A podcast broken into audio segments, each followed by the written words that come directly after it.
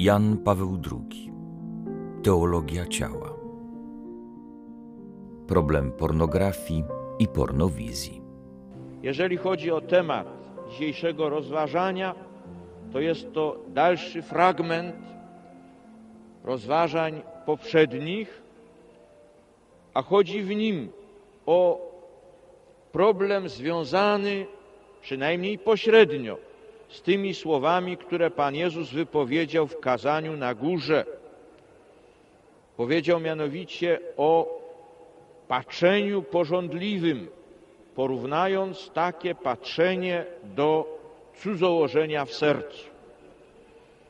Oczywiście, że słowa te odnoszą się przede wszystkim do relacji pomiędzy żywymi ludźmi, ale pośrednio odnoszą się one także do szerokiej dziedziny sztuki, a zwłaszcza reprodukcji. Ogólnie biorąc, wskazują na jedno, mianowicie na to, że ciało ludzkie musi być w sztukach, zwłaszcza w sztukach wizualnych, traktowane z taką czcią i z takim szacunkiem, jak tego domaga się godność osoby ludzkiej. I to zarówno po stronie patrzącego, jak po stronie obrazu, po stronie podmiotu, jak po stronie przedmiotu. Pokrótce to było tematem dzisiejszego rozważania. Oczywiście oryginalny tekst był bardziej szczegółowy.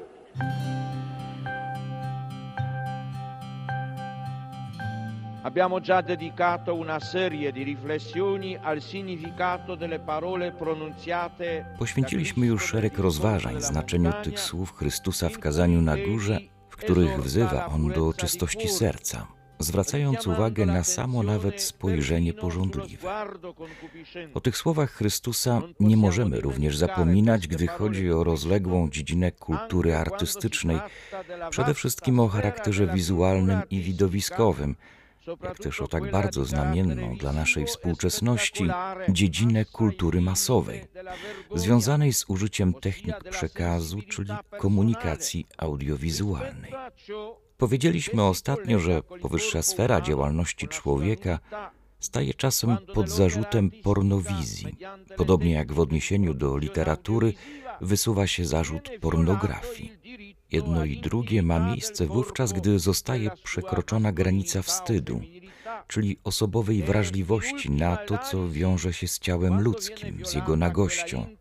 Gdy w utworze artystycznym lub przy pomocy technik reprodukcji audiowizualnej zostaje naruszone prawo intymności ciała w jego męskości lub kobiecości i w ostatecznej analizie, gdy zostanie naruszona owa głęboka prawidłowość daru i obdarowania, jaka wpisana jest w tę kobiecość i męskość poprzez całą osobową strukturę bytu człowieka.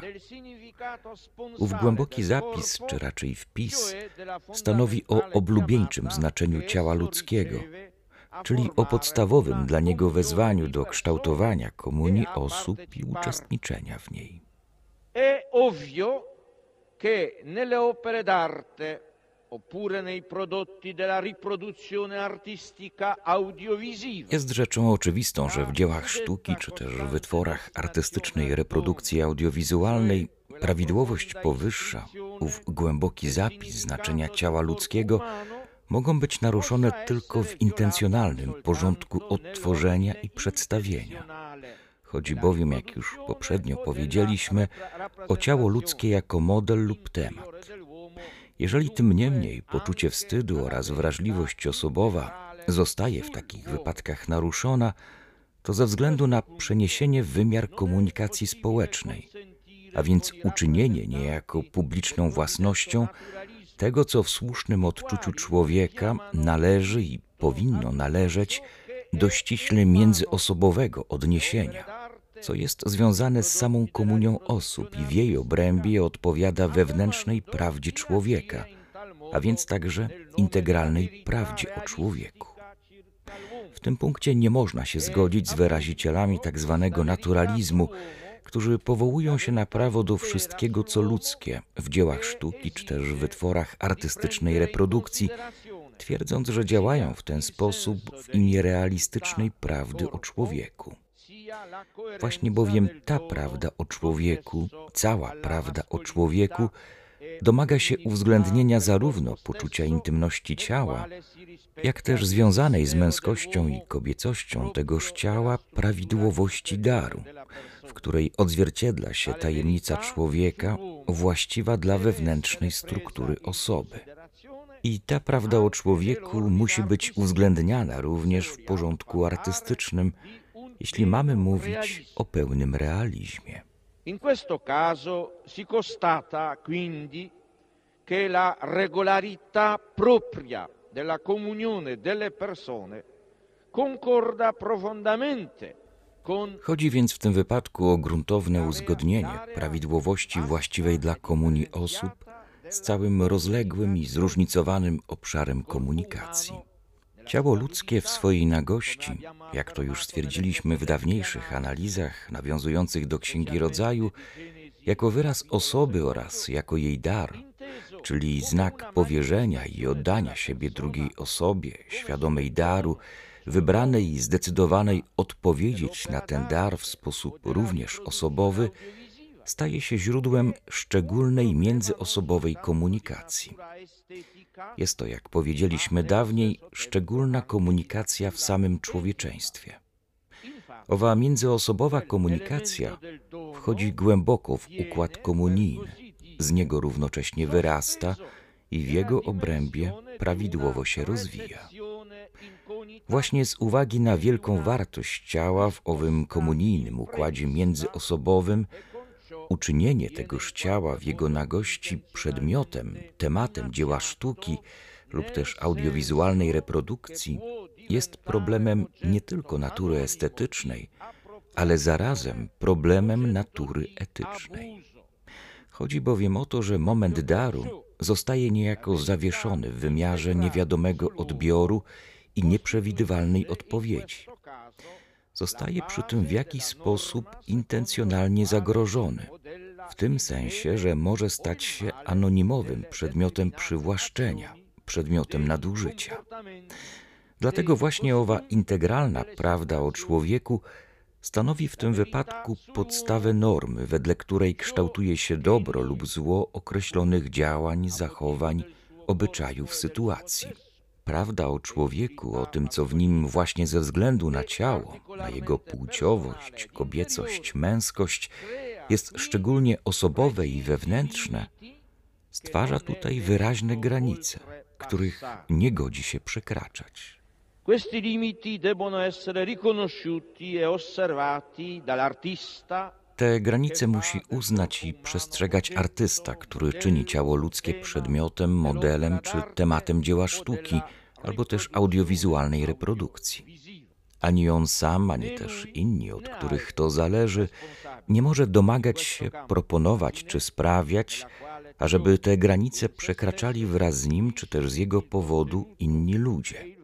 Ci, którzy są zapraszani, wzywani, czy też dopuszczani do widzenia, do oglądania obrazu. Chodzi o taki obraz, którym to, co samo w sobie jest treścią i wartością dogłębnie osobową, co należy do porządku daru i obdarowania osoby przez osobę, zostaje jako temat wyrwane z tego autentycznego podłoża, by stać się na zasadzie komunikacji społecznej przedmiotem i to przedmiotem poniekąd anonimowym. tutto il problema della pornovisione e della pornografia. Cały problem pornowizji, a także pornografii, jak z tego widać, nie jest wykwitem mentalności purytańskiej czy też ciasnego moralizmu. Nie jest też produktem myślenia obciążonego manicheizmem. Chodzi w nim o bardzo ważną, o podstawową sferę wartości, wobec których człowiek nie może pozostawać obojętny ze względu na godność człowieczeństwa, na osobowy charakter i wymowę ludzkiego ciała. Wszystkie te treści i wartości mogą być poprzez dzieła sztuki, także poprzez działalność środków audiowizualnych, kształtowane i pogłębiane, ale mogą też być zniekształcane i niszczone w sercu człowieka. Jak widać, wciąż znajdujemy się w orbicie słów Chrystusa wypowiedzianych w kazaniu na górze. Sprawy, o których tu mówimy, także muszą być rozpatrywane w świetle tych słów, które mówią o patrzeniu zrodzonym z porządliwości jako o cudzołożeniu w sercu. Stąd też wydało się, że rozważanie tych spraw ważnych dla tworzenia klimatu sprzyjającego czystości stanowi jakby nieodzowny aneks do wszystkich poprzednich analiz, jakie poświęciliśmy temu tematowi w ciągu wielu spotkań środowych. quali nel corso dei numerosi incontri del mercoledì abbiamo già dedicato a questo tema.